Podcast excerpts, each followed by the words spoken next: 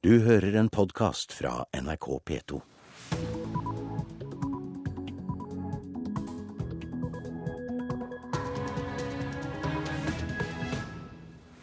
God morgen og velkommen til Nyhetsmorgen med Tor Albert Frøsland. Klokken er 6.30, og her er de første overskriftene våre denne onsdagen.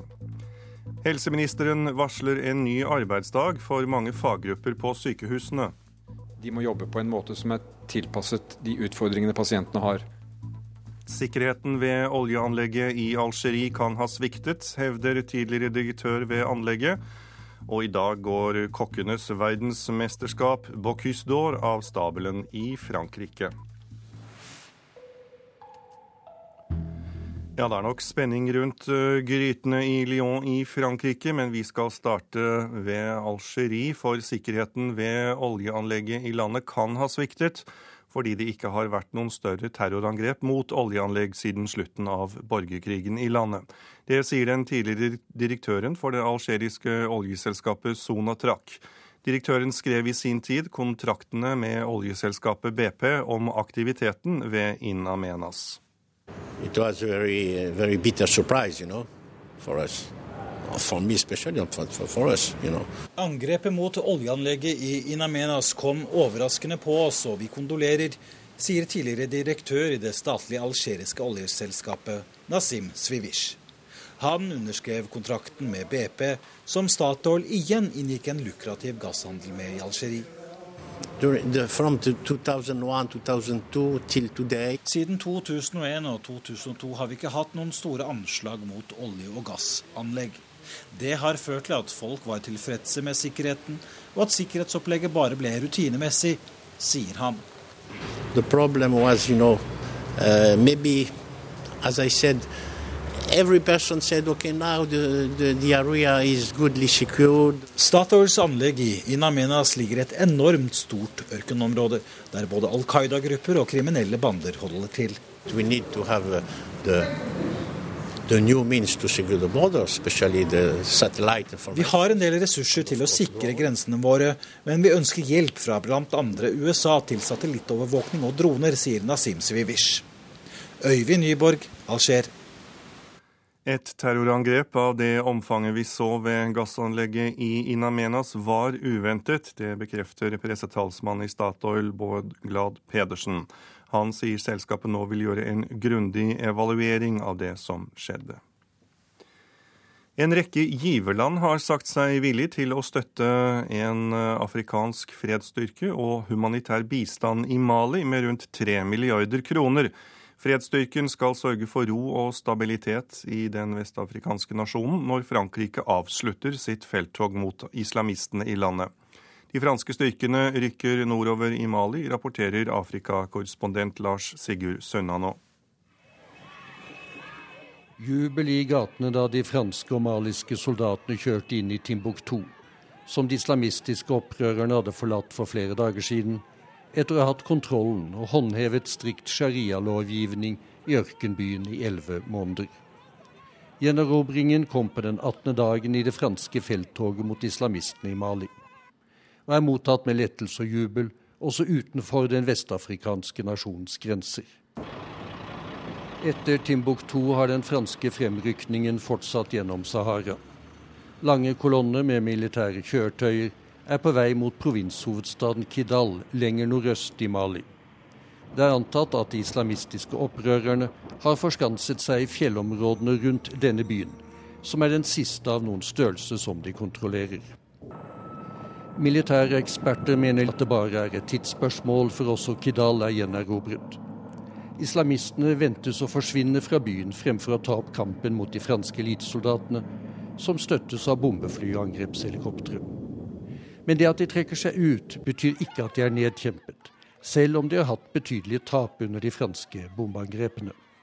De vil fortsatt finnes ute i det store, uoversiktlige ørkenområdet der de har søkt tilflukt og vil fortsatt være i stand til å gjennomføre enkeltangrep, kidnappinger og rent terror mot mål de måtte velge i tiden fremover. Og du kan høre en lengre reportasje fra Mali her i Nyhetsmorgen klokken 7.40. FN og Den arabiske ligas spesialutsending til Syria, Lakhdar Abramini, sa i FNs sikkerhetsråd i går kveld at regimet i Syria er alvorlig og ugjenkallelig svekket. De siste to månedene er det ikke gjort fremskritt i arbeidet for å få slutt på borgerkrigen i Syria, ifølge Bramini. Helseminister Jonas Gahr Støre varsler en ny arbeidsdag for mange faggrupper i Sykehus-Norge. Det er ett av mange tiltak han presenterer i dag for å bedre pasientbehandlingen. Sykehusene er tradisjonelt styrt av sterke profesjonsgrupper som leger og sykepleiere, men helseministeren er ikke redd for å stikke hånden inn i et vepsebol. La oss ta et eksempel. Nå kan en sykepleier lede en poliklinikk. Det er veldig fornuftig. Og jeg mener det er oppgaver som sykepleierne løser i dag fordi det står skrevet et sted, som kan løses av helsefagarbeidere. Det er eh, Sykepleiere kan løse jobber som eh, legene løser. Jeg kan ikke være fagperson og si det, men jeg er åpen for at det må være større grad av fleksibilitet til at ledelse og ansatte kan sette sammen de teamene som passer for de oppgavene som skal løses. For første gang etter at Stortinget endret loven om sykehusene, gir helseminister Jonas Gahr Støre de fire helseregionene i landet direkte føringer i et eget møte. Det gjør han litt senere i dag, men nå er han opptatt av at nye behandlingsformer og nye sykdommer gjør at de ansatte på sykehusene skal jobbe på nye måter. De må jobbe på en måte som er tilpasset de utfordringene pasientene har. Og Da mener jeg at for mye av sykehusarbeidet er tvunget inn i eh, hvilken kategori de som jobber der er, om de er den type profesjon, den type bakgrunn.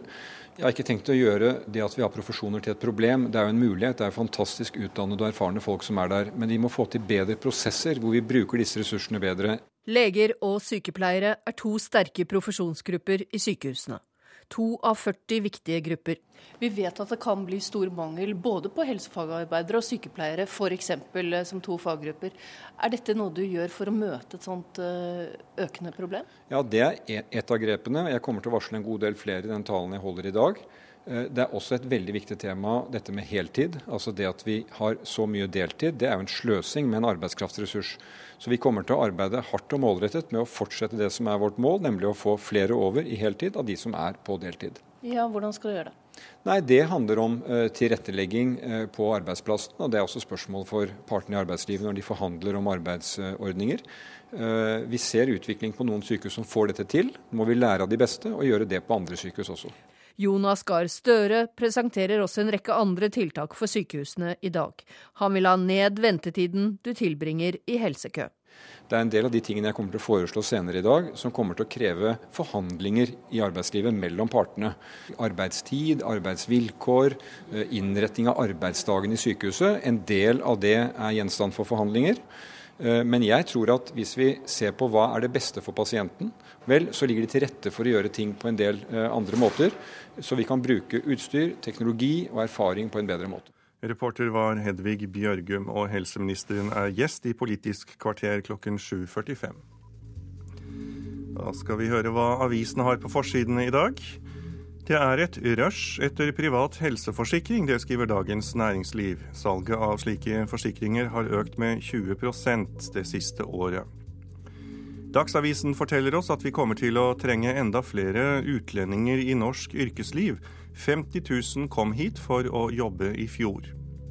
Den største fagforeningen i Statoil krever at regjeringen oppnevner et nasjonalt utvalg etter modell av 22. for å granske Algerie-terroren, skriver Aftenposten. Statoil fortsetter i Algerie, skriver Stavanger Aftenblad. Fungerende landsjef Rolf Magne Larsen håper de fleste i organisasjonen vil være med. Klassekampen forteller oss at flere muslimer er skuffet over at Islamsk råd ikke tar et offentlig oppgjør med ekstremistene i profeten Umma, for disse støtter terroraksjonen i Algerie. VG forteller oss hvor vi drømmer om å reise. Og Dagbladet skriver at Lars Monsen er ferdig med NRK-serien Ingen grenser. Det er dobbelt lønnshopp for fylkespolitikerne i Sør-Trøndelag, skriver Adresseavisen. Årsaken er at politikerne har sin lønn knyttet til stortingsrepresentantenes. Polakkene skal få halvert barnetrygden, skriver Bergensavisen. Arbeiderpartiets nestleder Helga Pedersen mener ordningen med kontantstøtte er for god, og vil ha den halvert for polakker. Kristiansand havn må ut med et halvt årsbudsjett i erstatning til fergeselskapet Fjordline etter at selskapet ble nektet å seile mellom Kristiansand og Hirtshals sommeren 2009. Erstatningen på 92 millioner kroner vil få konsekvenser for fremtidige investeringer. Fremskrittspartiet har begrenset fascismen i Norge, skriver Vårt Land. Forfatter og journalist Øyvind Strømmen mener høyreradikale partier ikke har blitt noe mer enn mikropartier, fordi Frp har stått i veien for dem. Senterpartifolk føler seg overkjørt av Arbeiderpartiet, forteller Nasjonen. Presset fra Ap har vært utidig voldsomt i regjeringens interne EØS-debatt, sier Sp-politiker Sigbjørn Gjelsvik. Og Nordlys kan fortelle oss om den dramatiske opplevelsen til Bjørn på 61 som ble angrepet av elg. En nødrakett reddet ham. I dag går altså kokkenes verdensmesterskap Bocuse d'Or av stabelen i Lyon i Frankrike. Storfavoritten er 27 år gamle Ørjan Johannessen fra Austevoll i Hordaland. Han er allerede regjerende europamester og satser alt på gull i dagens konkurranse. Nervene er, tror jeg har kontroll, men jeg er veldig spent. Han har forberedt seg i flere år på dagen i dag. Drømmen om å vinne har levd i ham siden han var guttunge. Ja, absolutt. Det har gått en 15 eh, år, kanskje. 15 år du har drømt om å vinne Bocuse d'Or? Ja, sånn er det. Man må sette seg mål. Hvor viktig er eh, konkurransen for deg, da? Det er vel ingen som liker å tape. Og det var reporter Hegemo Eriksen som hadde møtt mannen som har satt seg mål, nemlig Ørjan Johannessen. Kristin Gyldenskog, du er direktør for kommunikasjon og næringspolitikk i NHO Reiseliv. Tusener av nordmenn er på plass i Lyon i Frankrike i dag for å heie frem vår deltaker, som vi hørte, Ørjan Johannessen. Hva betyr en god plassering i dette mesterskapet? For eh, reiselivsnæringa så er det helt avgjørende at eh, flere unge får eh, øynene opp for de store mulighetene som kokkeyrket kan gi. Og med seier til Ørjan Johannessen i kokke-VM, så det kan inspirere flere unge til å velge kokkeyrket. Ja, vi får jo håpe og tro og ønske oss seier i dag. Men tror du dette har noe å si for rekrutteringen til kokkeyrket? Norge har eh, kokker og restauranter i eh, verdensklasse, men næringa mangler rundt 1000 eh, kokker. NHO Reiseliv har sammen med regjeringa og våre medlemsbedrifter og videregående skoler jobba langsiktig for å få opp rekrutteringa. Vi er ikke der vi, der vi burde vært, dessverre. Søkertallene har gått ned. sånn at det vi håper, er jo at eh, den type oppmerksomhet som dette her bidrar til at eh, flere unge ser at dette her er en mulig karriere- og yrkesvei. Ja, Hva kan dere gjøre for å få unge mennesker allerede inn i videregående? Det er jo å vise mulighetene som reiselivsnæringa byr på. Og et VM-kull vil være med på å skape fokus også på Norge som reisemål. Eh, god mat er jo en turistmagnet både for norske og utenlandske turister. Og seier i kokke-VM setter jo Norge på kartet som, eh, som, reisemål. Ja, Vil dette ha noe å si, tror du, for, eh, for å trekke turister til Norge? Dette at vi kan nå høyt opp i denne konkurransen? Ja, vi tror jo det. Altså Sju av ti turister i Norge er nordmenn. Eh, med den økonomiske krisa som er der ute, er det spesielt viktig å markere seg og få oppmerksomhet rundt Norge som eh, reisemål. Og Norge er jo ei grønn øy i europeisk økonomi så langt. Og det å få nordmenn òg til å bruke mer penger på ferie og fritid i eget land, det utgjør også et stort eh, potensial. For turistbalansen viser at nordmenns kjøp av reisetjenester i utlandet har eksplodert de siste åra. Eh, mens utlendingers kjøp av reisetjenester i Norge de har stått på stedet hvil. Og turistbalansen er negativ. Uh, den er så negativ at det er 61 milliarder i gap. Så, så det å få oppmerksomhet uh, rundt at norsk mat er i verdensklasse, og norsk kokkekunst er i verdensklasse, er også viktig for å få nordmenn til å bruke mer penger i Norge. Ja, det er nå tross alt billigere å feriere i utlandet enn å feriere eh, her til lands. Eh, Kristin Gyllenskog, du er direktør for kommunikasjon og næringspolitikk i NHO NHO Reiseliv. Takk for at du kom til oss i Nyhetsmorgen. Det er altså Nyhetsmorgen i NRK P2 og Alltid nyheter du lytter til. Klokken den er 6.45, og dette er hovedsakene i nyhetene i dag. Sikkerheten ved oljeanlegget i Algerie kan ha sviktet fordi det ikke har vært slike angrep siden borgerkrigen i landet, hevder tidligere direktør ved In Amenas-anlegget. Helseministeren varsler en ny arbeidsdag for mange faggrupper på sykehusene. Og det blir dobbelt så mange usaklige innlegg i nettdebatter når skribentene kan være anonyme, viser forskning. Men nå sport. Våre to kanskje beste ishockeyspillere møtes i ettermiddag for første gang i den russiske ligaen. Patrick Thoresen og Mats Zuccarello Aasen skal nå måle krefter i ligaen kalt KHL, en kamp landslagstreneren gleder seg til. Jeg har sett en del kamper fra Russland, og det er eh, meget god hockey. Spillerne er av veldig høy kvalitet. Sier landslagstrener i ishockey Roy Johansen. Etter den nordamerikanske hockeyligaen NHL blir KHL i Russland sett på som en av de beste i verden. I kveld møtes våre to kanskje fremste spillere på hver sin side. En av dem er SKA St. Petersburgs Patrick Thoresen. Eh, det skal bli gøy. Jeg kjenner jo Suka godt nå. Vi har hatt bra kontakt eh, ja, de siste åra. Spennende. Det blir moro. Spille mot Patrick, så det blir tøff kamp for oss. Landslagstreneren ser fram til oppgjøret. Det blir sikkert et jevnt oppgjør mellom to lag som satser veldig hardt. Så, så, det er vanskelig å spå utfallet. Og De to gutta møtes for første gang? Ja, det er klart det er litt ekstra for begge to. Og Zuccarello er på full fart nå og spiller bedre og bedre. Patrick har jo vært eh, fantastisk god hele veien, så vi får se. Reporter var Mats Håby.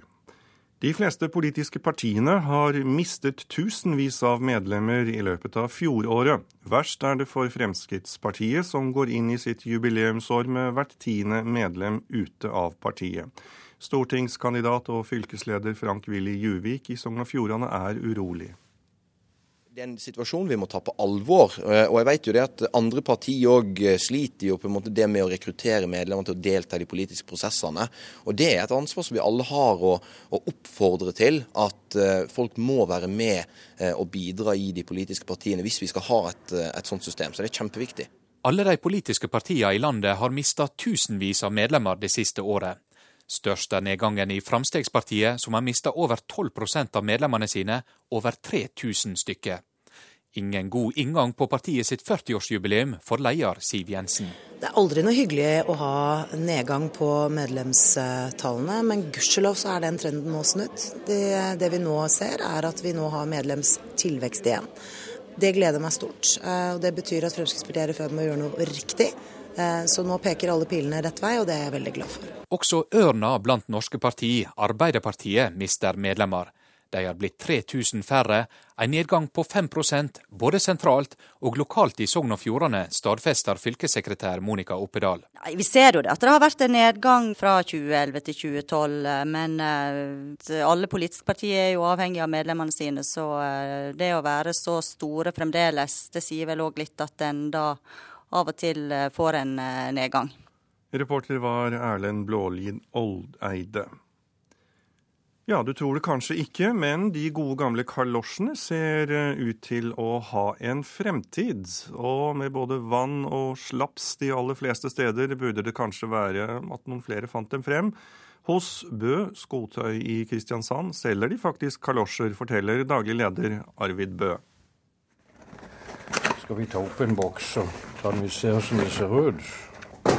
Det er jo sånn en gummisak som du strekker over skoen, da. Det er ikke sikkert alle i dag vet hvordan en kalosje egentlig ser ut engang. Nei, Det er nok sikkert, og det er jo mange som kommer her som har vært mange plasser før de finner en kalosj. Jeg hadde nesten ikke forventet å finne kalosjer i 2013. Det er jo ikke mye vi selger av det, men eh, folk som skal ut på julebord og fest, så trer de det på en pensko, en lakksko, et eller annet sånt. Så da er det veldig greit, altså. Hvor mange selger du i løpet av en sesong, da? Nei, det er vel en 15-20 stykker. Tror du kalosjen også er en framtid?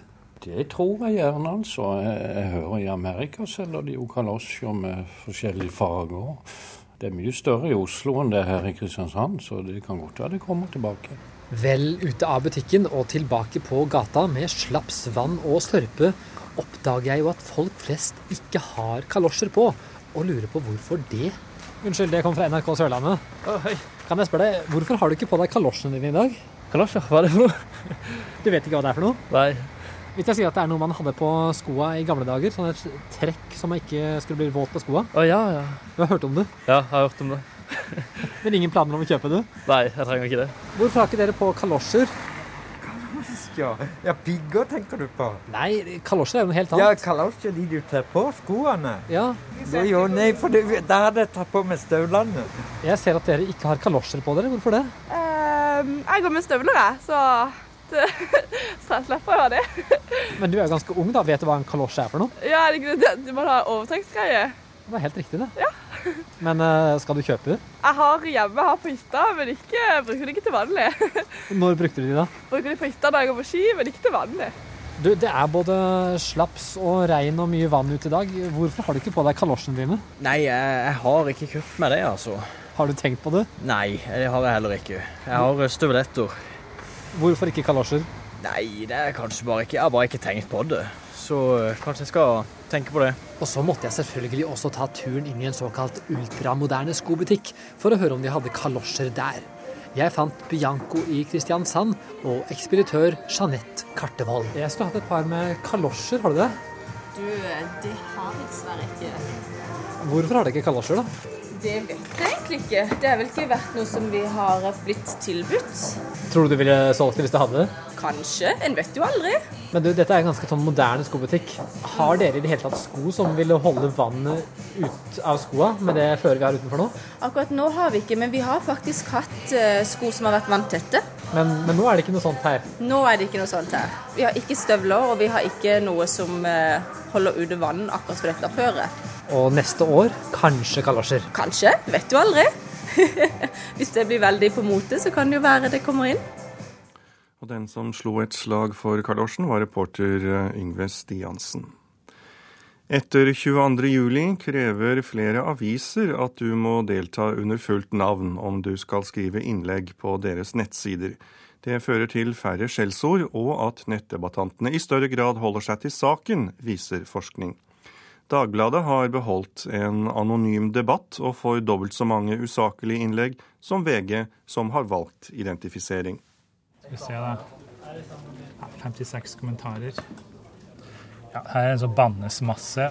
Dere kaller politikerne for idioter, men det er dere som er de største idiotene. Begynn å grine litt mer, demonstrere. Øyvind Solstad er ansvarlig for sosiale medier i VG, og er blant dem som bestemmer hvilke leserinnlegg som slipper gjennom på VGs nettsider. Aper.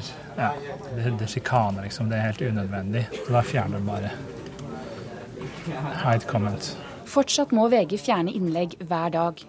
Men færre etter at avisa i likhet med flere andre norske medier valgte å stramme inn nettdebattene etter 22.07.2011. Nå må alle som skriver innlegg være synlige med fullt navn og egen Facebook-konto. Det har gitt en bedre debatt, mener Solstad. Før vi hadde system som var mye mer åpent, så brukte vi for mye tid og ressurser på å fjerne dårlige kommentarer. Jeg tenker at Det beviser det at hvis du kan være anonym, så er det mye lettere å si dritt som du ikke kan si hvis du må være deg sjøl.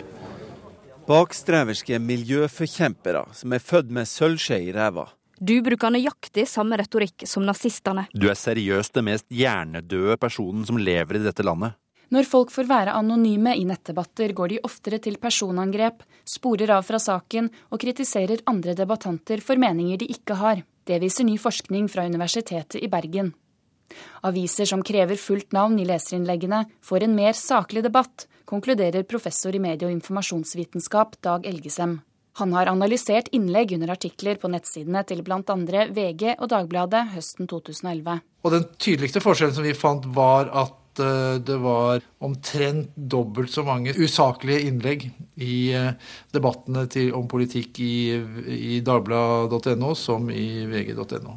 Prisen å betale er at avisene kan miste mange stemmer. Hvis du har fullt navn, så går du glipp av muligheten eh, som eh, folk har til å komme med synspunkter som ikke nødvendigvis eh, arbeidsgiveren eller eh, de man eh, kjenner godt eller andre i omgangskretsen setter pris på at du kommer ut med. Det sier kulturredaktør i Dagbladet Geir Ramnefjell. Dagbladet velger anonym debatt, og godtar at den da blir mer usaklig. Det er litt sånn prisen å betale for å ha en, et anonymt nettforum hvor folk kan eh, komme fram med synspunkter som de ikke nødvendigvis kunne gjort eh, under fullt navn. Man mister muligens noen stemmer, men samtidig så er jo verdien av de usaklige innleggene er jo relativt eh, begrenset. Reporter var Ida Kvittingen. Ny norsk dramatikk er preget av terroren 22.07. Det mener manuskonsulent ved Dramatikkens hus, Line Rosvold. Menneskets ondskap blir synliggjort i det nye teaterstykket Valget, som snart har premiere på Kilden i Kristiansand. 22.07. Det var et enkeltmenneske. Det var ett enkeltmenneskes onde handlinger. Det er noe helt annet. Onde handlinger det skjer hver dag i norske hjem. I norske skolegårder. Skolegården, ja. Husker dere den der rosa kua vi malte på veggen til gymsalen? Finnes det onde i oss alle? Det er spørsmål som Elisabeth Lindland og Christian Landmark tar opp i teaterstykket Valget, som 9.2 har premiere på Kilden i Kristiansand. Norge var jo et, er jo på mange måter et litt beskytta land. Så fikk vi jo da 22.07. en ondskap som verden nesten ikke har sett maken til gjort til et enkeltmenneske. Det var veldig spesielt i norsk sammenheng, for vi har på en måte trodd at vi har vært et godt land å bo i, fredsprislandet. Vi er et land med gode mennesker.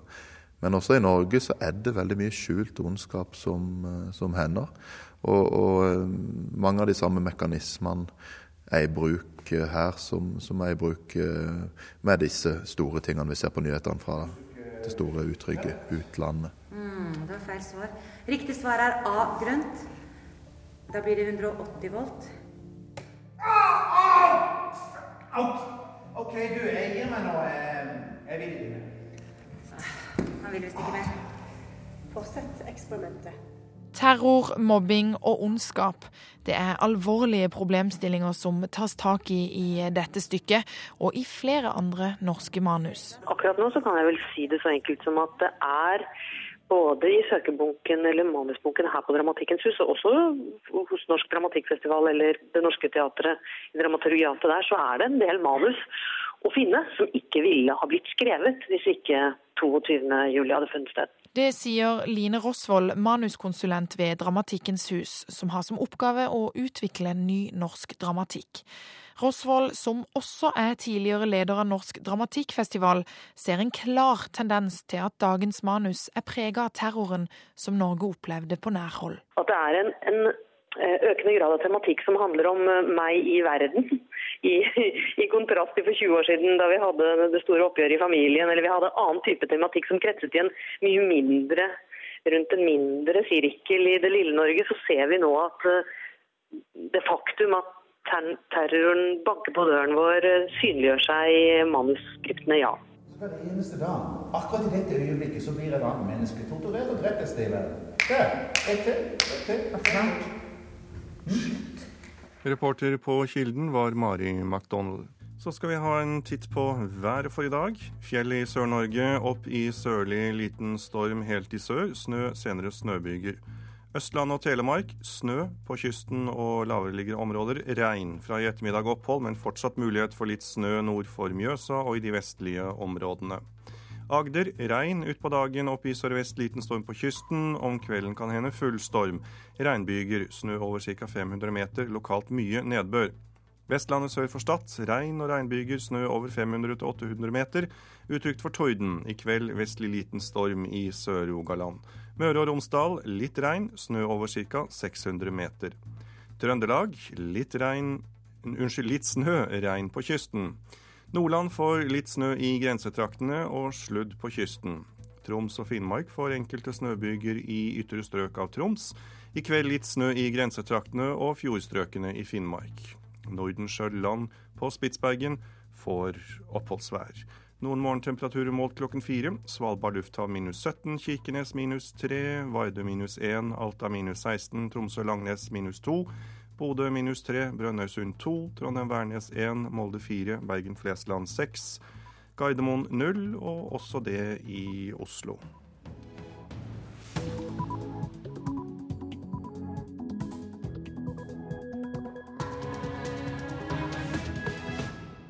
Klokken er sju, du lytter til Nyhetsmorgen med Tor Albert Frøsland i studio. Her er en nyhetsoppdatering.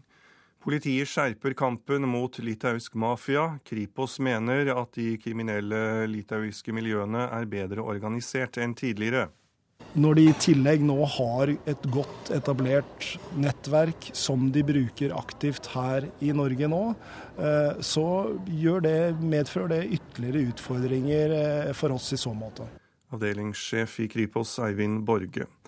To av tre bedrifter vil ta oppussingsarbeid svart, viser NRK-undersøkelse. Seriøse selskaper frykter konkurs og ber Arbeidstilsynet om flere kontroller. De burde mer fysisk gått ut på byggeplasser og arbeidsplasser og rett og slett kontrollere hvem som er der og hva de utfører. Maggi Andersen i malerfirmaet Magne Henriksen. Sikkerheten i In Amenas kan ha sviktet fordi det ikke har vært slike angrep siden borgerkrigen i landet, hevder tidligere direktør ved In Amenas-anlegget. Helseministeren åpner for at sykepleiere kan ta deler av legejobben. I dag legger han frem tiltak for å gjøre behandlingen bedre. Jeg tror at hvis vi ser på hva er det beste for pasienten, vel, så ligger det til rette for å gjøre ting på en del eh, andre måter. Så vi kan bruke utstyr, teknologi og erfaring på en bedre måte. Og Nav jakter trygdesvindlere. I fjor ble nesten 50 personer anmeldt for å ha jukset til seg 24 millioner i uførepensjon. Nyhetsmorgen. Kampen mot kriminelle litauere blir en av eh, toppsatsingene hos politiet fremover. Avdelingssjef i Kripos, Eivind Borge, sier de nå ser en økende trend i bruk av fastboende kontakter i Norge for å tilrettelegge for lovbruddene. Borge mener litauere har blitt en mer organisert gruppe enn tidligere.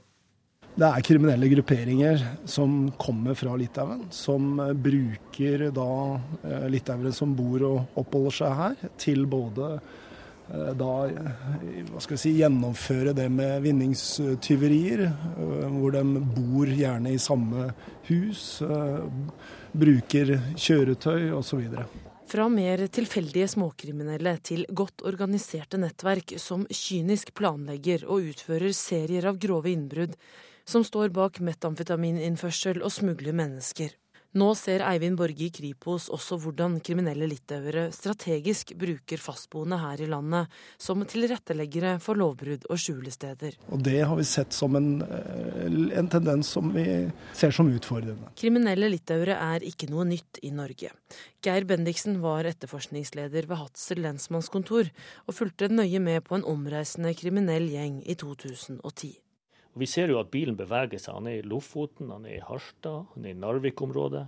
Kommer til Vesterålen, er nord og sør i Vesterålen og kjører mye. Og begår bl.a. innbrudd. Vi kjører til Andenes.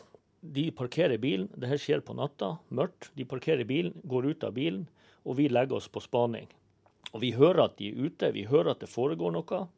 Vi ser ingenting sånn konkret. Vi ser ikke hva de gjør. men vi gikk vel ut ifra at de gjorde et innbrudd. Men til tross for de mange ærlige, arbeidende litauere i Norge i dag, så har trykket fra bandene utenfra blitt mer merkbart i løpet av det siste. Eivind Borge innrømmer at de har blitt verre å få tak i. Det har blitt uh, mer utfordrende for politiet å følge da personer som vi vet driver med Eh, kriminalitet, eh, fordi de i større grad kan på en måte oppholde seg skjult her i landet. Mm. Gjennom disse faste personene? Gjennom personer som oppholder og bor her, og som eh, noen ganger er ukjente for politiet.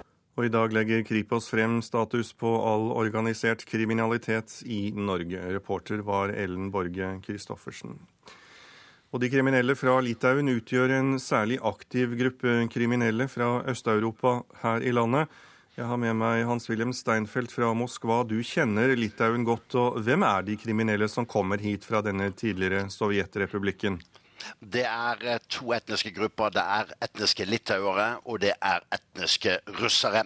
De blandes sjelden i hop i, samme grupper, men alle har litauisk pass. Det har også russere i Litauen, til forskjell fra Latvia og Estland. Eh, slik at det kan være vanskelig å så å si umiddelbart se hvilken etnisitet de står bak. Men det er godt kriminelle organiserte grupper som bruker gamle etterretningsmetoder ved å forhåndsplassere illegale kontakter i det norske samfunnet, som så å si et brohode for deres vinningskriminalitet, som er svært, svært omfattende både hjemme og i Vest-Europa. Ja, Godt organiserte grupper, sier du. Hvor, hvor omfattende har disse tyveritoktene vært? Og Det er noen år siden daværende politidirektør Ingelin Killengren fortalte meg at sør for Vilnius var det et svært marked for bruktvarer. Alt fra biler, påhengsmotorer, og det meste var stjålet i Norge. Og Da norsk politi eh, gjorde Litaues politi oppmerksom på, eh, på, dette, så måtte Litaues politi nærmest tas etter nesen av de norske politifolkene for å få opp øynene for denne virksomheten. Men Hva kan grunnen være til at eh, særlig kriminelle fra Litauen har kastet sine øyne på Norge? Det er lett å forstå, fordi kriminelle fra Estland de går mot Finland. Det er bare 80 km med snøggbåt over Finskebukten til Helsingfors. Latviske kriminelle de går mot Sverige og til dels mot Danmark. Og Norge har jo hatt et spesielt forhold til Litauen siden kommunismen forsvant. Og dermed har Norge kommet i fokus, og litauerne vet godt at Norge Norge er per capita verdens rikeste samfunn, og de går etter verdiene i det norske samfunnet.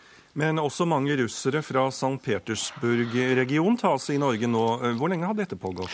Det har pågått i en 15-16 eh, års tid. Og daværende kriminalsjef i St. Petersburg, Sergej Prakofjev, sa til NRK midt på 90-tallet at det var svært vanskelig å få til en operativ dialog med norsk politi fordi det gikk gjennom diplomatiske kanaler. Og daværende politiinspektør Leif A. Lia var veldig ivrig på å få direkte kontakt med russisk politi, fordi disse russiske russiske gruppene de går etter etnisitet, slik at litauisk-russiske grupper gjerne samarbeider med kriminelle i Russland. Dette samarbeidet er jo blitt mer operativt, men det er klart at både i Tyskland, i de nordiske land, er de russiske og også andre kriminelle fra Polen og de baltiske stater svært aktive, særlig når det gjelder vinningskriminaliteten. Takk skal du ha, Moskva-korrespondent Hans-Wilhelm Steinfeld. Da skal vi høre at det private markedet flommer over av bedrifter som utfører svart arbeid. To av tre bedrifter NRK kontaktet var villige til å utføre oppussingsarbeid i et privat hjem svart. De aller fleste foretakene er drevet av utenlandske arbeidere. Seriøse selskap står i fare for å utkonkurreres på markedet. NRK ringer på en annonse i lokalavisen hvor polske arbeidere tilbyr håndverkstjenester til gode priser. Raskt får vi spørsmål om vi trenger kvittering for arbeidet. Vi tar opp samtalen på bånd for å kunne dokumentere tilbudet, og har derfor valgt å fordreie stemmen til håndverkeren. Uh, en fiktiv annonse NRK la ut på finn.no før helgen, bekrefter det samme. Vi ønsket å se hvor stort det svarte markedet er, og ba om pris på maling av stue, gang og soverom. Samtidig ga vi beskjed om at vi ønsket å få gjort arbeidet svart. 17 foretak besvarte annonsen. Kun malerfirmaet Magne Henriksen på Sola svarte umiddelbart at svart arbeid var uaktuelt. Alle kunder er en potensiell kunde. Selv om de vil ha det svart? Selv om de vil ha det svart, og da er det vår jobb å overbevise dem om at de ikke skal gjøre det. Sier prosjektleder Maggie Andersen i det tradisjonsrike malerfirmaet på Sola. Til de øvrige 16 bedriftene sendte NRK en ny mail og ba om bekreftelse på at tilbyderne kunne utføre arbeidet svart. Vi fikk svar fra tolv av dem. Seks bekreftet skriftlig at de ville jobbe svart. To ba oss om å ringe et oppgitt mobiltelefonnummer, men avviste ikke forespørselen. Kun fire av tolv sa nei til svart arbeid. Jeg er jo overraska over at det er såpass mange, men samtidig så forbauser det meg ikke. Sier Jon Inge Haugvaldstad i Jon Haugvaldstad AS. Malerfirmaet fra Stavanger har eksistert i 70 år, og opplever at stadig flere ukjente selskap dukker opp på markedet. Hvis det er så mange aktører som eh, driver på det svarte markedet, så er de prispressende òg. Konsekvensen er jo at vi som, som, seriøse aktører rett og slett kan gå konkurs. Det er ikke nok arbeid. Det, det er ikke nok jobber å gi pris på. Heller, altså Vi blir for dyre i sammenligning. Sier Maggie Andersen. Hennes firma opplever i stadig større grad et tøffere arbeidsmarked som opererer på den andre siden av lovverket. Ja, det opplever vi egentlig daglig. Mm, okay, uh, and you want to have on receipt? Then it's 180 per hour. NRKs undersøkelse viser at samtlige firmaer som bekreftet at de påtok seg oppdrag svart, er drevet av personer med utenlandske navn, de aller fleste østeuropeiske. Det stemmer også godt overens med den erfaringen norske firmaer innenfor bransjen har. Magi Andersen etterlyser langt bedre kontroll med virksomheten fra det offentliges side. De burde mer fysisk gått ut på, på byggeplasser og arbeidsplasser og rett og slett kontrollere hvem som er der og hva de utfører. Opplevd at det har vært noen kontroll noen gang? På de åra som jeg har vært med, som er nå håper jeg, 25 år, så har jeg opplevd det én gang der Arbeidstilsynet har kommet på et bygg, og det er et større bygg. Reporter var Ståle Frafjord. Så skal det handle om trygdemisbruk. 49 personer kan havne i fengsel fordi Nav mener de har svindlet til seg 24 millioner kroner i uførepensjon. I flere av sakene skal folk ha jobbet svart samtidig som de fikk trygd de ikke hadde rett på. Man kjenner jo alltid mange som gjør det. Ja, det, jeg har jo en bekjent av meg nå som skal inn. Mange har hørt om trygdesvindlere, men få varsler Nav. Det burde jeg vel kanskje ha gjort, men jeg gjorde da ikke det. Det var mange som visste om det. I dag legger Nav frem oversikten over trygdemisbruket i fjor. En av ytelsene det jukses mest med, er uførepensjon. Ofte i kombinasjon med svart arbeid, ifølge seksjonssjef i Nav, Magne Fladby. Dette er veldig alvorlige saker. Eh, det er jo personer som da ikke bidrar til fellesskapet gjennom skatter og avgifter. Samtidig så tar de altså ut eh, gode velferdsordninger i den andre enden. Så dette er eh, dobbeltjuks. De siste årene har det samlede beløpet for uføresvindel ligget stabilt på rundt 25 millioner kroner. Men karakteristisk i det siste er at svindelsakene blir færre, men større. Vi prioriterer større saker i dag enn det vi har gjort tidligere, og vi avdekker også større saker. Og Det betyr at eh, når vi går, får en impuls om at det kan være en mistenkelig sak, så tar vi altså prioriterer de aller største sakene, som det er en god ressursutnyttelse både for oss og for politiet. Den største uføresaken i fjor gjaldt svindel og svart arbeid på til sammen 2,4 millioner kroner. Det er krevende saker eh, å avdekke, og i de aller fleste av disse store sakene så har vi et veldig godt samarbeid med andre offentlige kontrollmyndigheter for å avdekke, avdekke svindelen. Og alle disse risikerer jo over et års fengsel. Reporter var Fredrik Lauritzen. Samferdsel nå, for politikerne forventer en fortgang i arbeidet med Ringeriksbanen etter at det ble kjent at en full intercityutbygging på Østlandet ikke er lønnsom. Dette er godt nytt for alle som vil styrke jernbanen mellom Oslo og Bergen, sier Ringerikes ordfører Kjell B. Hansen fra Arbeiderpartiet. Med den konklusjonen som kom i går, så styrker jo vi vår posisjon i forhold til å få en bane mellom vest og øst. Tror du at eh, dette står i Nasjonal transportplan om ikke lenge?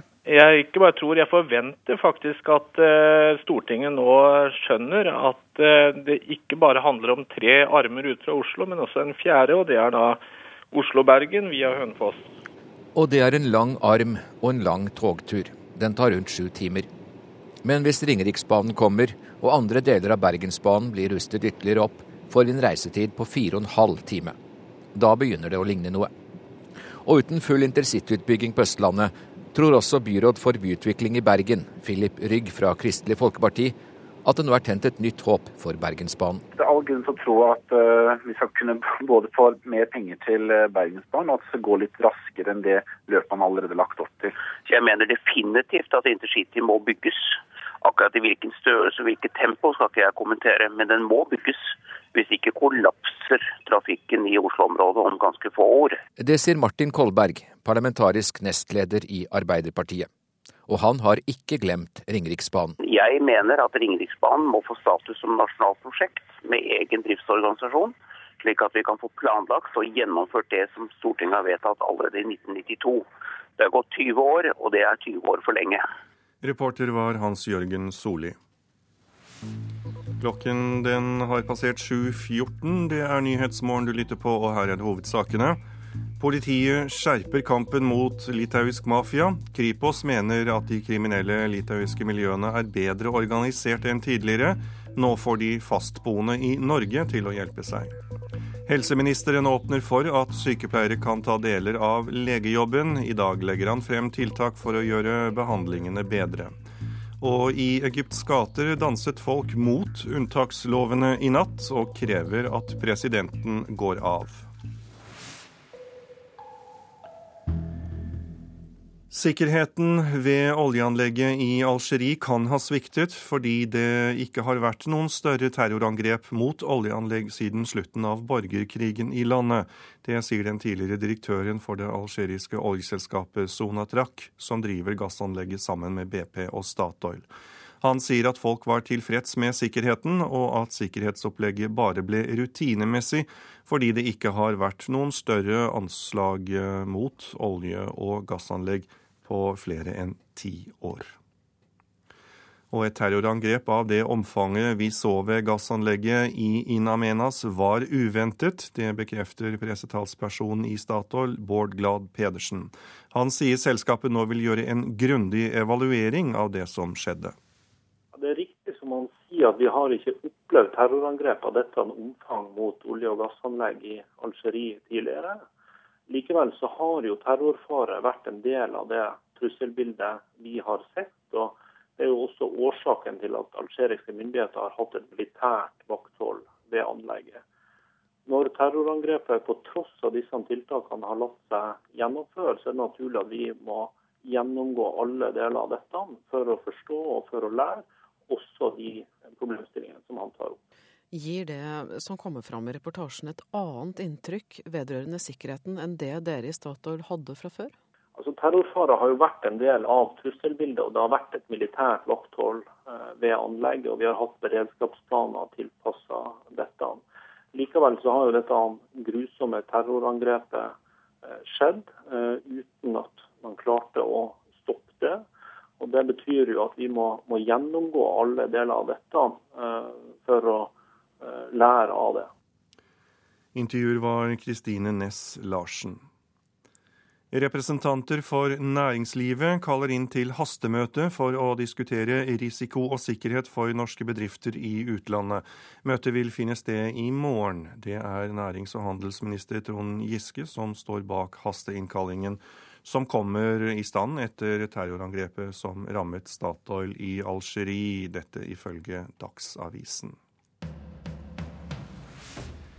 Syria ødelegges bit for bit, advarer FNs spesialutsending Lakhdar Brahimi. Brahimi har orientert Sikkerhetsrådet om den dystre utviklingen i landet, og legger ikke skjul på sin frustrasjon over det han ser på som FNs og verdenssamfunnets tafatthet.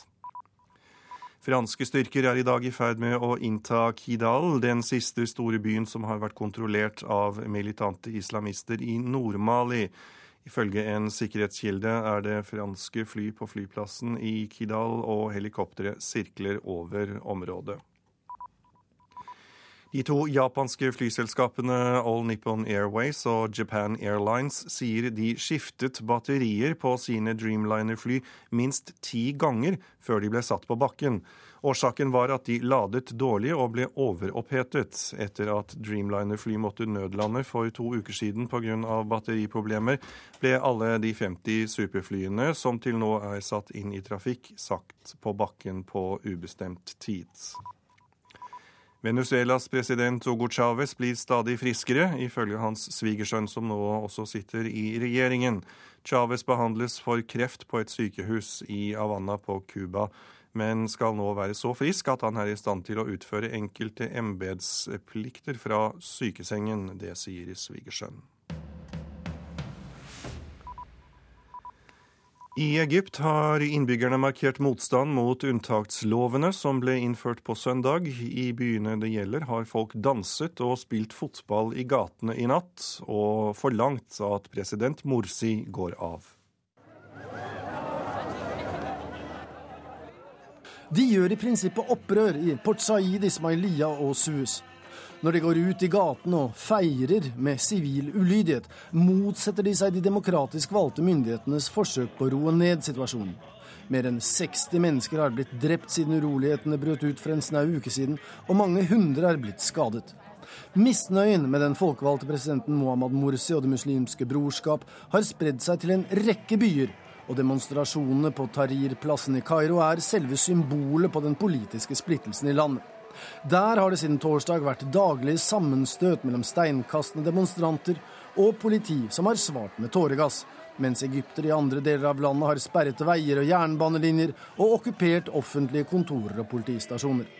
Egypts mektige militære er på plass, men har til nå ikke grepet inn. I går advarte imidlertid forsvarssjefen i landet mot sammenstøtene og sa at hele statsapparatet kan falle sammen dersom demonstrasjonene fortsetter. Raseriet fikk sitt utløp i forbindelse med toårsdagen for den arabiske våren i Egypt og domsavsigelsen etter fotballopprøret i Port Said i fjor. Men det var bare de ytre påskuddene. Motsetningen i det egyptiske samfunnet dreier seg om kursen fremover, etter at diktatoren Hosni Mubarak ble tvunget til å gå av i 2011. Det muslimske brorskapets kandidat Mohammed Mursi vant presidentvalget i fjor, men hans politiske motstandere mener at han skusler bort mulighetene til sosial og økonomisk utvikling som forelå etter den arabiske våren. Det sa reporter Joar Hoel Larsen. Og jeg har fått besøk av Ina Tind, seniorrådgiver i Amnesty International og Egypt-ekspert. Hva er de største forskjellene på opptøyene de siste dagene og opptøyene under den arabiske våren? De første dagene og ukene før Mubarak falt, da var eh, demonstrasjonene fredelige, og hæren holdt seg tilbake. Så har det vært en negativ utvikling egentlig fra den 11. februar 2011 og til i dag hvor det har blitt brukt mer og mer vold. Ikke minst fra sikkerhetsstyrkene og politiets side, men nå etter hvert også, og det har vi sett i de siste dagene, også fra demonstrantenes side. Så det er mer og mer vold nå. Men hvordan skal vi forstå uh, at det oppstår nye opptøyer nå? Er det bundet kun i volden? Nei, altså jeg tror at det er stor grad av desillusjon. Uh, folk er misfornøyd med Morsi. De hadde håpet at han ville dra verdiene fra revolusjonen videre. Han har, hans retorikk har tilsagt at han ville gjøre det, men han har skuffet alle. Eh, han har ikke vært en samlende president. Han har ikke tatt et oppgjør med fortiden. Og han har ikke satt i gang noen reformer som på noen troverdig vis skal kunne gjøre noe med de økonomiske problemene som folk opplever mer og mer prekære. Og han har, altså, Det er en lang liste med ting som gjør at man kan si at han har på mange måter fortsatt politikken til Mubarak. Ja, Hva er det som gjør at han ikke tar grep om situasjonen? Eh, du må spørre ham selv hvorfor han ikke gjør det. Men, ja. Eh, men altså, det er eh, påfallende at han ikke forsøker han, han, satte i gang noen interessante tiltak i sommer. Bl.a. en granskingskommisjon som skulle se på alle drapene og folk som blitt såret i løpet av de siste to årene. Denne granskingskommisjonen er ikke blitt offentliggjort. Eh, og de som står bak drapene, ikke minst sikkerhetsstyrkene, der er det ingen høyere offiser som er blitt eh, stilt for retten. Så folk eh, kan, eller sikkerhetsstyrkene kan fremdeles drepe uten å bli stilt til ansvar. Men er Morsi politisk lammet? Jeg tror i hvert fall han blir mer og mer lammet nå, jo mindre han, han reagerer. Folk, altså det at folk ikke respekterer en unntakstilstand og et portforbud, gir jo en indikasjon på at man på en måte har en slags frakt for, for eh, den som styrer landet. Eh, jeg tror på mange måter at han begynner å miste grepet nå, for han gjør ingenting som tilsier at han vil bringe landet fremover. Eh, altså Det med sikkerhetsstyrkene og deres eh, straffefrihet er én ting. En annen ting er at ytringsfriheten fremdeles er kneblet. Eh, I dag som før så blir folk eh, arrestert og dømt for å bruke sin ytringsfrihet. Og militæret han har ikke gjort noe fundamentalt i forhold til militærets makt. Og han har selv gitt seg diktatorisk makt, dvs. Stilt seg over loven. Takk skal du ha, Inatin, seniorrådgiver i Amnesty International tar vi en titt på noen av eh, forsidene på avisene i dag. Dagens Næringsliv forteller oss at det er et rush etter privat helseforsikring. Salget av slike forsikringer har økt med 20% det siste året. Polakker skal få halvert barnetrygden, skriver Bergens Tidende. Arbeiderpartiets nestleder Helga Pedersen mener ordningen med kontantstøtte er for god, og vil ha den halvert for polakker. Dagsavisen forteller oss at vi kommer til å trenge enda flere utlendinger i norsk yrkesliv. 50 000 kom hit for å jobbe i fjor. Den største fagforeningen i Statoil krever at regjeringen oppnevner et nasjonalt utvalg etter modell av 22.07-kommisjonen for å granske Algerie-terroren, skriver Aftenposten. Og Statoil fortsetter i Algerie, skriver Stavanger Aftenblad. Fungerende landsjef Rolf Magne Larsen håper de fleste i organisasjonen vil være med. Senterpartifolk føler seg overkjørt av Arbeiderpartiet, forteller Nasjonen. Presset fra Ap har vært utidig voldsomt i regjeringens interne EØS-debatt, sier eh, Senterpartipolitiker Sigbjørn Gjelsvik. VG forteller oss hvor vi drømmer om å reise, og Dagbladet skriver at Lars Monsen er ferdig med NRK-serien Ingen grenser.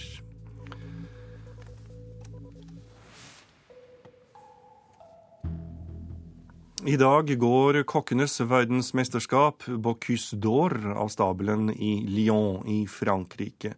Storfavoritt er 27 år gamle Ørjan Johannessen fra Austevoll i Hordaland. Han er allerede regjerende europamester og satser alt på gull i dagens konkurranse. Nei, Nervene er, tror jeg har kontroll, men jeg er veldig spent. Han har forberedt seg i flere år på dagen i dag. 27 år gamle Ørjan Johannessen fra Austevoll i Hordaland jakter på gull i den gjeveste konkurransen for kokkekunst. Verdensmesterskapet Bocuse d'Or i Lyon i Frankrike. Drømmen om å vinne har levd i ham siden han var guttunge. Ja, absolutt. Det har gått en 15 eh, år, kanskje. 15 år du har drømt om å vinne Bocuse d'Or? Ja, sånn er det. Man må sette seg mål. Hvor viktig er eh, konkurransen for deg, da? det er vel ingen som liker å tape. Hvor viktig er det å vinne? Ja, det er viktig. Men det er ikke sikkert man gjør det. 24 deltakere fra 24 land skal i ilden i et fem timer langt kokkemaraton. Ørjan Johannessen er allerede norgesmester, regjerende europamester og en av favorittene til å vinne Bocuse d'Or. Bak ham ligger 3500 timer med trening og møysommelig terping på menyen, som i dag kan gi ham gull Jeg flytta til Sandefjord for å bo nærmere treneren min, Odd Ivar. For å bo der i to år eh, for å trene sammen med han. Bygde opp et kjøkken der? Ja, bygde opp et kjøkken som er identisk med det kjøkkenet man får inn i på Kystår-arenaen. Med andre ord, du har satset alt? Ja, det må man. Man må ha ambisjoner, ellers så blir det halvveis. Ja, vi er jo veldig høye da. Så spent at det pirrer i hele kroppen.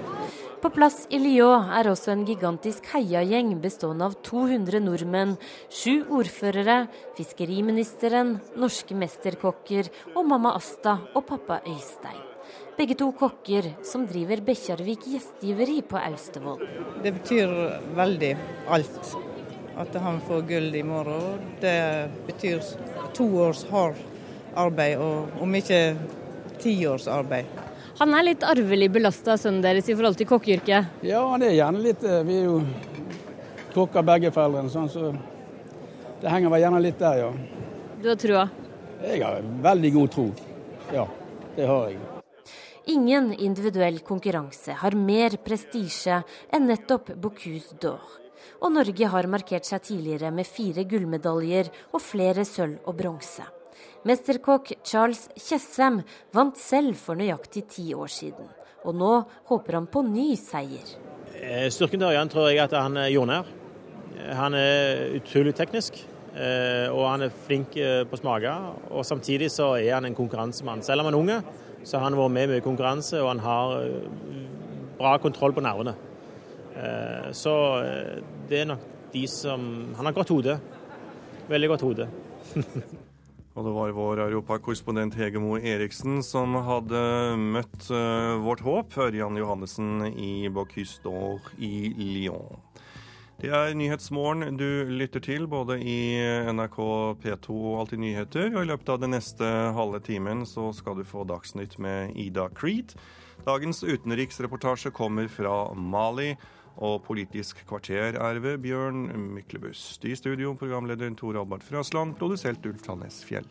Du hører en podkast fra NRK P2. To av tre bedrifter ville gjøre oppussingsarbeid svart, viser NRK-undersøkelse. Helseministeren vil at sykepleiere skal kunne overta oppgaver som sykehusleger har i dag. 27-åring fra Hordaland går for gull i kokke-VM. God morgen, her er NRK Dagsnytt klokken 7.30. Seriøse og tradisjonsrike norske byggefirmaer står i fare for å utkonkurreres av selskaper som driver oppussing svart. To av tre byggefirmaer som NRK kontaktet var villige til å gjøre oppussingsarbeid svart. De aller fleste foretakene er drevet av utenlandske menn. Nå krever den seriøse bransjen økt offentlig kontroll. NRK ringer på en annonse i lokalavisen hvor polske arbeidere tilbyr håndverkstjenester til gode priser. Raskt får vi spørsmål om vi trenger kvittering for arbeidet. Okay. En fiktiv annonse NRK la ut på finn.no før helgen, bekrefter det samme. Vi ønsket å se hvor stort det svarte markedet er, og ba om pris på maling av stue, gang og soverom. 17 foretak besvarte annonsen. Kun prosjektleder Maggi Andersen i malerfirmaet Magne Henriksen på Sola svarte umiddelbart at svart arbeid var uaktuelt. Alle kunder er en potensiell kunde, selv om de vil ha det svart. og Da er det vår jobb å overbevise dem om at de ikke skal gjøre det. Til de øvrige 16 bedriftene sendte NRK en ny mail og ba om bekreftelse på at tilbyderne kunne utføre arbeidet svart. Vi fikk svar fra tolv av dem. Kun fire sa nei til svart arbeid. Jeg er jo overraska over at det er såpass mange, men samtidig så forbauser det meg ikke. Sier Jon Inge Haugvaldstad i Jon Haugvaldstad AS. Malerfirmaet fra Stavanger har eksistert i 70 år, og opplever at stadig flere ukjente selskap dukker opp på markedet. Hvis det er så mange aktører som driver på det svarte markedet, så er de prispressende òg. Konsekvensen er jo at vi som, som seriøse aktører rett og slett kan gå konkurs. Det er ikke nok arbeid. Reporter Ståle fra fjor. Og det skal fortsatt handle om svart arbeid. For 49 personer kan havne i fengsel fordi Nav mener de har svindlet til seg 24 millioner kroner i uførepensjon. I flere av sakene skal folk ha jobbet svart, samtidig som de fikk trygd de ikke hadde rett på. Seksjonssjef i Nav, Magne Fladby, sier svindelsakene blir færre, men større. Vi prioriterer større saker i dag enn det vi har gjort tidligere, og vi avdekker også større saker. Og Det betyr at eh, når vi går, får en impuls om at det kan være en mistenkelig sak, så tar vi altså og prioriterer de aller største sakene, som det er en god ressursutnyttelse både for oss og for politiet. Det er krevende saker eh, å avdekke, og i de aller fleste av disse store sakene så har vi et veldig godt samarbeid med andre offentlige kontrollmyndigheter for å avdekke, avdekke svindelen. Og alle disse risikerer jo over et års fengsel.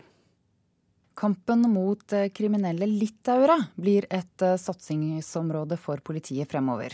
Avdelingssjef i Kripos Eivind Borge sier det er en økende trend at fastboende personer i Norge hjelper de kriminelle.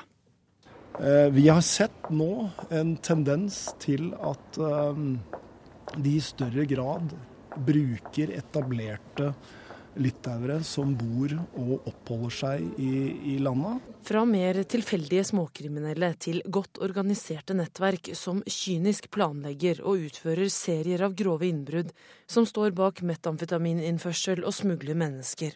Nå ser Eivind Borge i Kripos også hvordan kriminelle litauere strategisk bruker fastboende her i landet som tilretteleggere for lovbrudd og skjulesteder. Nei, Det er rett og slett ved at de har da større evne til å bruke kontakter eh, og eventuelt kunne oppholde seg skjult osv. Kriminelle litauere er ikke noe nytt i Norge. Geir Bendiksen var etterforskningsleder ved Hadsel lensmannskontor, og fulgte nøye med på en omreisende kriminell gjeng i 2010.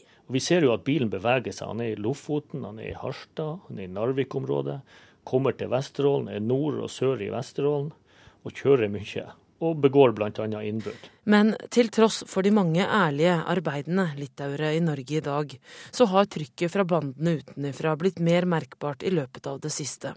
Eivind Borge innrømmer at de har blitt verre å få tak i. Fordi de i større grad kan på en måte oppholde seg skjult her i landet. Mm. Gjennom disse faste personene? Gjennom personer som oppholder og bor her, og som eh, noen ganger er ukjente for politiet.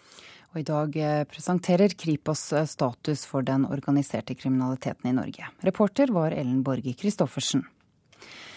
Helseminister Jonas Gahr Støre åpner for å endre Sykehus-Norge ved å la sykepleiere gjøre noe av jobben til leger, og hjelpepleiere gjøre oppgaver som sykepleiere gjør i dag. Sykehusene er tradisjonelt styrt av sterke profesjonsgrupper, men helseministeren er ikke redd for å gjøre store forandringer. La oss ta et eksempel. Nå kan en sykepleier lede en poliklinikk. Det er veldig fornuftig. Og jeg mener det er oppgaver som sykepleierne løser i dag fordi det står skrevet et sted, som kan løses av helsefagarbeidere. Det er eh, Sykepleiere kan løse jobber som eh, legene løser. Jeg kan ikke være fagperson og si det, men jeg er åpen for at det må være større grad av fleksibilitet til at ledelse og ansatte kan sette sammen de teamene som passer for de oppgavene som skal løses. For første gang etter at Stortinget endret loven om sykehusene, gir helseminister Jonas Gahr Støre de fire helseregionene i landet direkte føringer i et eget møte. Det gjør han litt senere i dag, men nå er han opptatt av at nye behandlingsformer og nye sykdommer gjør at de ansatte på sykehusene skal jobbe på nye måter.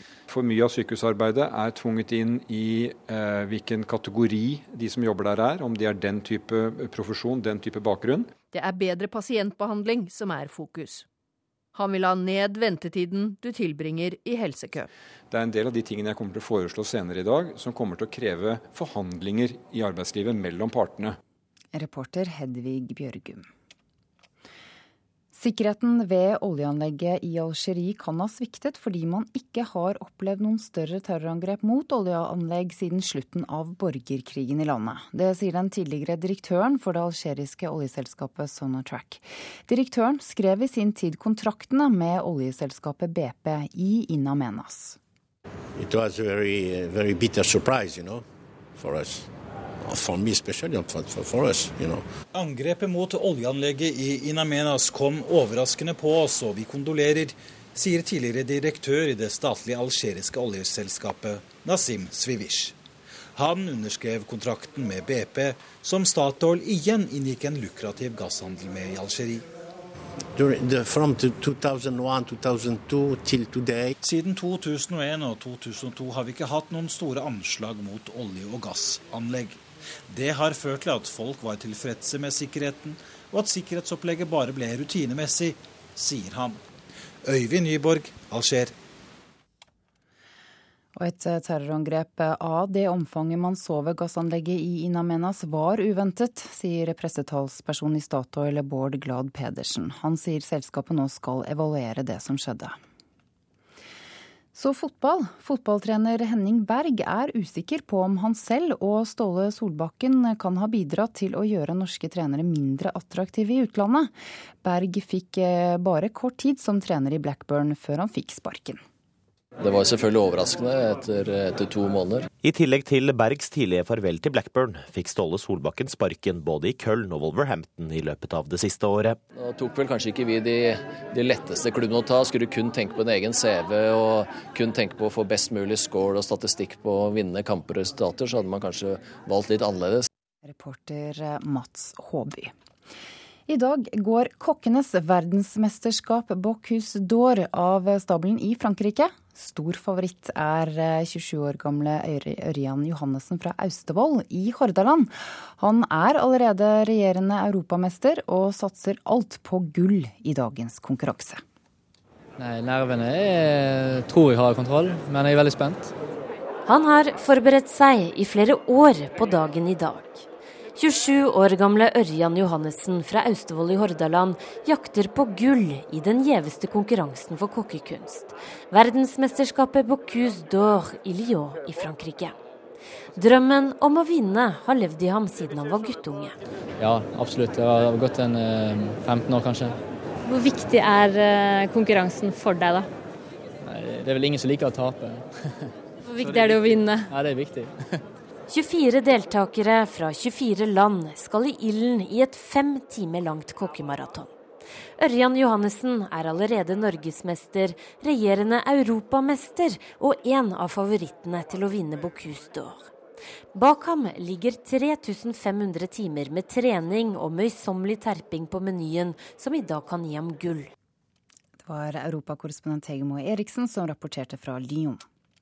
Ansvarlig for denne sendingen er Sven Gullvåg. Teknisk ansvarlig Hanne Lunås. I studio Ida Creed.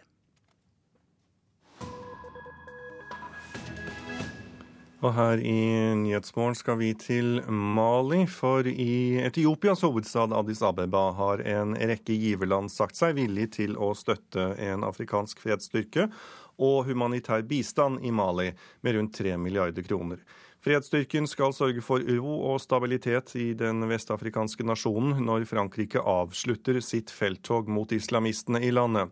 Etter at den historiske byen Timbuktu ble gjenerobret i forgårs, er det nå provinshovedstaden Kidal helt nordøst i Mali som står for tur for de franske styrkene. Afrikakorrespondent Lars Sigurd Sunnanå rapporterer.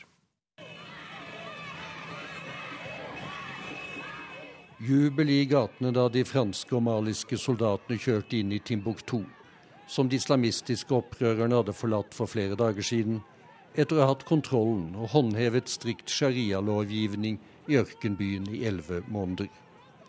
Gjenerobringen kom på den 18. dagen i det franske felttoget mot islamistene i Mali, og er mottatt med lettelse og jubel også utenfor den vestafrikanske nasjons grenser.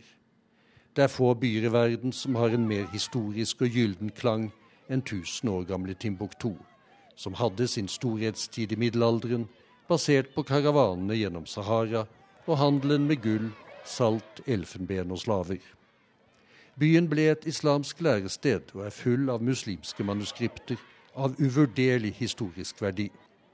Nå er en del av dem gått tapt. For noe av det siste islamistene gjorde før de dro sin vei, var å sette fyr på biblioteket til Ahmed Baba-instituttet for avanserte islamske studier. Det huset mellom 60 000 og 100 000 historiske manuskripter. We destroyed everything. We destroyed the mosque. We destroyed the things is more than 300, 400 years old. They said because their religion doesn't. For me, Islamistene ødela alt, selv moskeen og manuskripter som var mer enn 300-400 år gamle, forteller en av bibliotekarene. Deres religion tillot ikke det de så. Det var avguderisk, sa de. Vi prøvde å hindre dem, men vi hadde jo ikke våpen, å forsvare biblioteket med. Etter Timbuktu har den franske fremrykningen fortsatt gjennom Sahara. Lange kolonner med militære kjøretøyer er på vei mot provinshovedstaden Kidal lenger nordøst i Mali. Det er antatt at de islamistiske opprørerne har forskanset seg i fjellområdene rundt denne byen, som er den siste av noen størrelse som de kontrollerer. Det er så som så med veier i ørkenen, det er fort gjort å kjøre seg fast for de franske sjåførene.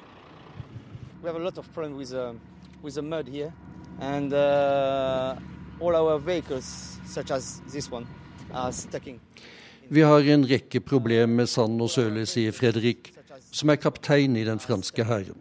Alle kjøretøyene våre sitter fast i øyeblikket. Militære eksperter mener likevel at det bare er et tidsspørsmål for også Kidal er gjenerobret.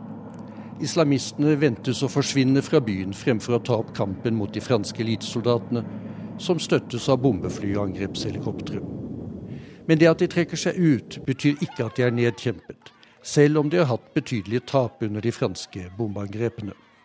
De vil fortsatt finnes ute i det store, uoversiktlige ørkenområdet der de har søkt tilflukt, og vil fortsatt være i stand til å gjennomføre enkeltangrep, kidnappinger og ren terror mot mål de måtte velge i tiden fremover den afrikanske fredsstyrken som nå etableres, og som skal overta håndhevingen av lov og orden i Mali etter hvert som Frankrike trapper ned sitt militære nærvær i landet, får ingen enkel oppgave.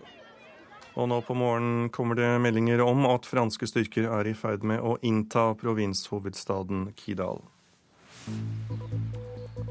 Overskriftene våre i Nyhetsmorgen. Kriminelle litauere får folk som bor i Norge til å planlegge kriminaliteten for seg før de kommer.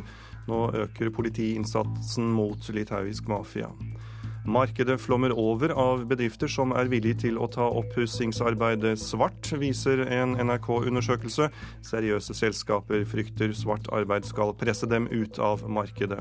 Og politikere både i øst og vest krever opprustning av Bergensbanen nå. De vil ha fart i arbeidet med Ringeriksbanen, siden full intercity-utbygging på Østlandet ikke er lønnsom. Programleder Bjørn Myklebust har kommet inn sammen med helseministeren, som i dag skal fortelle hva han forventer av norske sykehus. Hva er Jonas Gahr Støre sin største utfordring? Sykehusene eller bortskjemte nordmenn?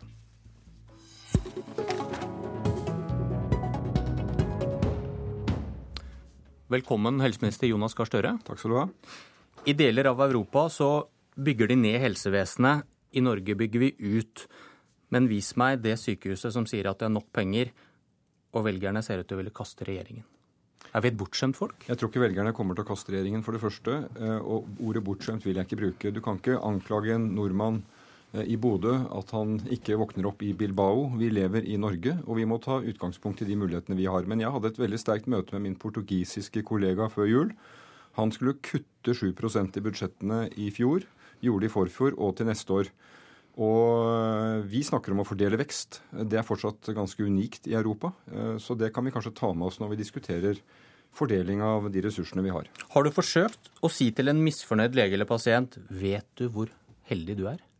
Det syns jeg ikke hører hjemme i å snakke på den måten, men vi kan jo snakke om internasjonale erfaringer. Veldig mange i helsebransjen følger godt med ute. Mange av dem har jobbet ute og ser det. Så den type tilnærming med å snakke til folk som du gjør til misfornøyde unger, det er iallfall ikke min eh, stil i politikken. Jeg tror ikke det motiverer til, eh, til godt arbeid og godt samarbeid. Du, Er det mange som behandles på norske sykehus du mener ikke hadde trengt behandling? Ja, det tror jeg. Jeg tror det finner sted overbehandling og for mye behandling. Hvem, hvem er dette? Ja, jeg kan jo ikke peke på enkeltpersonen, men jeg tror det at vi kan ta uh, innsats mye tidligere. Før du kommer på sykehus. Når du kommer på sykehus, så er det jo stort sett alvorlig. Eh, og at eh, ideen med denne samhandlingsreformen er å oppdage tidligere det du måtte ha av en psykisk plage eller en fysisk plage. Den reformen er i gang, men den må vi jobbe videre med. Fordi det er ikke et mål for et helsevesen å behandle flest mulig på sykehus, kanskje snarere tvert imot. I dag skal helseministeren lede møte med helseforetakene for første gang. og Betyr det noe? Ja, det syns jeg det gjør. Altså, dette er jo det årlige møtet med de fire regionene, og jeg skal lede det møtet. Det er første gang helseministeren gjør det. Det har loven nå lagt opp til. Og det er for å sende et veldig tydelig signal. Helseministeren har det politiske ansvaret. Jeg har det. Jeg henter mine instrukser og signaler fra Stortinget, det budsjettet vi har vedtatt, og det oppdragsdokumentet vi har gitt til sykehusene. Så har vi en veldig fornuftig organisering, etter min mening, ved at vi har en regional inndeling av sykehusene. De vet best i vest om vest, midt om midt og nord og nord. og rundt hovedstaden også, eh, i sørøst. Eh, det bør ikke helseministeren detaljplanlegge og detaljstyre, men han bør være tett på. Og det signaliserer jeg med det møtet nå, at jeg har klare forventninger og mål til sykehusene. Det har jeg på vegne av regjeringen, og det vil jeg formidle i det møtet. Du kommer til å åpne for at f.eks. sykepleiere skal få gjøre noe av det legene gjør. Det blir bråk. Jo, nå har du tatt ut en liten del av, av det jeg peker på om at vi må organisere arbeidet i sykehusene på en måte som svarer til de behovene, de oppgavene vi skal løse. Vi har opptil 30-40 forskjellige profesjoner og grupper i sykehusene. Det er jo en veldig styrke for sykehusene, fordi at det er flinke folk. Eh, og vi må organisere det på en måte slik at vi trekker ordentlig veksler på det. Nå er det åpent for at en sykepleier kan lede en poliklinikk. Hvis det er faglig forsvarlig, er det helt riktig. Og det er oppgaver sykepleierne gjør, som jeg mener helsefagarbeiderne kan gjøre. Jeg skal ikke sitte som uh, en ikke-faglært person og bestemme det, men jeg kan se at sykehusledelsen og de som jobber der, bør kunne sette sammen team på nye måter som er helsefaglig forsvarlig, og som svarer på det behovet pasienten har. For jeg tror vi ser på helsebildet framover at vi kommer til å komme inn på sykehus med mye mer sammensatte lidelser ikke-smittsomme sykdommer, livsstilssykdommer, som krever at vi samarbeider på en ny måte i sykehuset. Det er det jeg forsøker å løfte fram. Men er det en svak spådom at uh, det blir bråk hvis, uh, hvis, legene får beskjed om at noe av det dere har gjort, det kan nå sykepleierne gjøre. Altså, det har vært ganske steil profesjonskamp? Ja da, men det er en litt sånn tradisjonell måte å tenke på at vi har profesjonskamp. Jeg har besøkt mange sykehus, og jeg har alltid lagt vekt på å uh, møte de tillitsvalgte alene uten ledelsen. De er opptatt av stoltheten for sin profesjon, men det de først og fremst er opptatt av, som du blir slått av, det er å gjøre et godt arbeid for pasienten. Så dette tenker, tenker ikke jeg som en konfliktsak. Jeg tror vi kan kunne løse det. I forhold til legene så sier jeg i dag at et etablert system med kvotefordeling av leger på norske sykehus, det vil jeg avskaffe. Det mener jeg er en veldig rigid måte å bruke den utrolig viktige ressursen legene er, slik at et sykehus som trenger å ansette en ny lege I dag har vi nok leger i Norge til at sykehuset kan gjøre det hvis de har økonomi til det. Det er noe som legene er veldig opptatt av, og jeg tror at eh, de forslagene jeg kom med klokka ti i dag, og det er mange, de er ikke rettet mot noen profesjon, de er rettet for sykehusene og for pasientene. Hvorfor kommer det nå? Dere har sittet snart i åtte år. Er dette problemer som har dukket opp de siste åra? På de åtte årene så har vi altså fått orden i sykehusenes økonomi. Eh, fra et økonomisk kaos til balanse nå i alle regioner. Vi behandler flere pasienter enn før, bedre resultater enn før. Så det er gjort utrolig mye bra arbeid. Jeg har vært helseminister i litt over fire måneder. Jeg har sett og erfart på denne tiden, og dette er tidspunktet for å møte de fire regionene. Det står i kalenderen. Og før det møtet så gjør jeg det noe som heller ikke mine forgjengere har gjort. Jeg holder en offentlig tale om sykehus, og det var anledningen for meg til å komme med disse forslagene. I 2005, da dere overtok, så hadde rundt 70 000 privat helseforsikring. Nå er det over 350 000. 20% flere private helseforsikring i fjor, skriver Dagens Næringsliv i dag.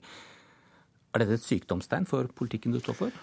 Du, Egentlig ikke. Jeg har veldig, mister ikke nattesøvnen av det. Eh, 330 000 av dem er tegnet gjennom bedrifter. Det er lov å gjøre, eh, og det er veldig, veldig få mennesker som gjør dette individuelt. Eh, jeg vil ikke moralisere om det. Altså Folk har penger til det, bedrifter har penger til det. De Men du liker det ikke? Vel, altså Jeg tror at den viktigste helseforsikringen din er folketrygden. Hvis vi går til disse forsikringsutbetalingene, så tror jeg de representerer 0,14% av det som betales ut ved de store sykehusene. Så de virkelig store, viktige oppgavene, de er det fortsatt de flotte fellesskapssykehusene vi har, som står for. Fordi at et sykehus det er en stor helhet, en komplisert arbeidsplass som skal gjøre veldig mange funksjoner for at du skal kunne få et godt tilbud. Så det at disse forsikringene kommer, som jo uh, Høyre og Fremskrittspartiet vil gi skatterettelser til, uh, forsikringene, det har vi avviklet. Men at det eksisterer, det får vi leve med, og jeg har ikke noe moraliserende å si om det. Det finnes vel ikke noe fasit på hva som er et godt offentlig tilbud. Der, der, der er dere uenige. Men, men disse tallene beviser vel en mangel på tillit, gjør det ikke det? da? Nei, men det, det, beviser jo litt en utålmodighet. at uh, I en bedrift så vil de være veldig sikre på at hvis folk blir syke av noe som ikke er altfor alvorlig, kommer de fort tilbake i jobb. Det er jo vi opptatt av også. Jeg ser at en god del av disse forsikringene som da sier at uh, jeg brakk armen og så fikk jeg rask behandling istedenfor å stå i kø. Hadde du gått inn på det offentlige opplegget, sett på fritt sykehusvalg, benyttet raskt tilbakeordningen, så kunne du fått like rask behandling i det offentlige. Det du sier nå er at bedriftene kaster bort penger på disse ordningene? Nei, jeg bare sier at de bør tenke nøye gjennom hvordan de bruker dem, og de bør sette seg inn i hvordan de offentlige ordningene er. Men jeg kommer til å vise forståelse for hvert frustrerte menneske som opplever at de har ventet for lenge. Jeg vil ha ventetidene ned. Uh, og jeg har forståelse for at en som opplever at uh, min lidelse bør behandles veldig fort, uh, syns det tar tid. Men vi har altså rekordmange behandlinger. Og de som har behov og ikke kan vente, de må stort sett ikke vente. Og det er eh, få land som har det så bra som vi har det her. Men det høres ikke ut som du har tenkt å ta noe grep for å, å komme, for, for, å hindre dette. her. Fører det ikke, som noen påstår, da, til en, til en todeling med de som har jobb, eller eventuelt har råd da, til å tegne en forsikring. Og så er det de andre da, som må, må vente. Det er vel 71 dager som er snitt i ventetid. Ja, og Vi vil ha det ned til noen og 60. Men altså, som sagt, har du akuttbehov, venter du ikke. og Har du stort behov, så venter du lite. Min strategi eh, for å gjøre noe med det, er å gjøre det offentlige sykehuset enda bedre. Og de forslagene jeg kommer med i dag, er en lang rekke tiltak som skal gjøre at vi kan forsvare den posisjonen offentlige sykehus har. Da må vi jobbe på nye måter tenke på nye måter og utnytte det store potensialet som de flinke menneskene der er. Og vi må utnytte utstyret. Tenk på det, programleder. Her står utstyr og teknologi ubrukt store deler av døgnet. Det er ting jeg mener vi må se på for at vi kan gi deg og meg den tilliten at vi har et veldig, veldig godt helsevesen. Og så skal vi huske på det. 85 av oss svarer i undersøkelser at vi er fornøyd med sykehusene. Det står jo litt i kontrast til hva du noen gang ser på førstesiden av avisen. Noen er ikke fornøyd. Høyre vil at alle med behov for hjelp skal kunne gå dit det er ledig kapasitet. Privat eller offentlig, men staten betaler. Og det høres jo effektivt ut. Ja, men det er et forslag jeg er veldig imot. For det det betyr, det er altså at vi skal ha et offentlig finansiert oppstart av private sykehus det er at du uansett om du har et stort eller lite behov, kan gå rett til en privat klinikk som kan opprette spesiallagede tilbud for den lidelsen, og det offentlige betaler. Og de pengene kommer fra et sted. De kommer fra sykehusenes budsjett. Ja, Men gjør det noe da, hvis det, hvis det løser køproblemene? Ja, men Det kommer ikke til å løse køproblemer. Det kommer til å føre til enda mer overbehandling, flere MR, røntgen, som ikke er nødvendig. Det kommer til å føre til at de offentlige sykehusene blir sittende igjen med kompliserte, sammensatte lidelser. Og en ting til. Da underkjenner vi hvilken helhet det er å drive et sykehus. Det er nemlig ikke bare behandling og operasjon eh, som foregår der. Der foregår det utdanning, opplæring, forskning. Viktige oppgaver som skal til for at vi får dyktige helsefolk. Og de sykehusene må også ha anledning til å prioritere. Hva er det viktige, hva er mindre viktig? Og med dette opplegget Høyre har, så vil vi si at alle som da har et behov, stort eller lite, kan gå rett til et privat klinikk for å få det operert det offentlige betaler. Men flere, flere ville blitt behandlet, det innrømmer du selv om det ville blitt litt dyrere? Nei, jeg, jeg, jeg innrømmer ikke det. Jeg, jo, jeg har ikke noe prinsipielt imot at vi samarbeider med private. Vi kjøper 10% av sykehusbudsjettet går til å kjøpe tjenester fra private. Men det avgjørende er det er det offentlige som prioriterer ut fra det vi kaller en prioriteringsveileder. Som sier noe om at den som trenger hjelp først, skal få hjelp først. Og Det tror jeg er et viktig prinsipp også fra et eh, demokratisk perspektiv. Til slutt, Jonas Gahr Støre, hva er målet på om du lykkes som helseminister? Ja, Det er ikke bare å lykkes med sykehus. Det er ikke et mål for uh, godt helse i landet at vi har mange sykehusinnleggelser. Snarere tvert imot. Jeg tror at målet for meg er hvis jeg klarer å få satt en ordentlig dagsorden, dagsorden om betydning av folkehelse, forebygging og samarbeid mellom kommuner og sykehus, slik at du som pasient og jeg som pasient blir sett og får den hjelpen vi trenger. Målet for meg er å få løftet fram grupper som rusavhengige, som trenger behandling, de med psykisk lidelse som trenger behandling, de må bli sett av sykehusene, men også av hele dette lange rekken av helsetjenester i kommunene. Samhandlingsreformen er på en måte det som oppsummerer den ambisjonen. og jeg håper at jeg skulle få tatt den et viktig skritt videre. Du kunne svart at målet er at jeg er helseminister i oktober? Ja, men Det har jeg veldig ambisjon om å være. Og jeg tror at eh, vi bl.a. gjennom det vi viser fram nå, eh, håper jeg kan fortelle velgerne om at vi tar dette offentlige helsevesenet vårt på det største alvor. Det er der vi vil sette inn ressursene. Det er der vi tror vi kan bedre tilbudet. Og vi er imot å bruke offentlige penger på å starte opp en privat sykehussektor som stort sett er drevet av multinasjonale multinasjonale kommersielle selskaper. Ære være dem, men jeg mener ikke de skal ha en fremtredende rolle i vårt helsevesen. Takk for at du kom, Jonas Gahr Støre.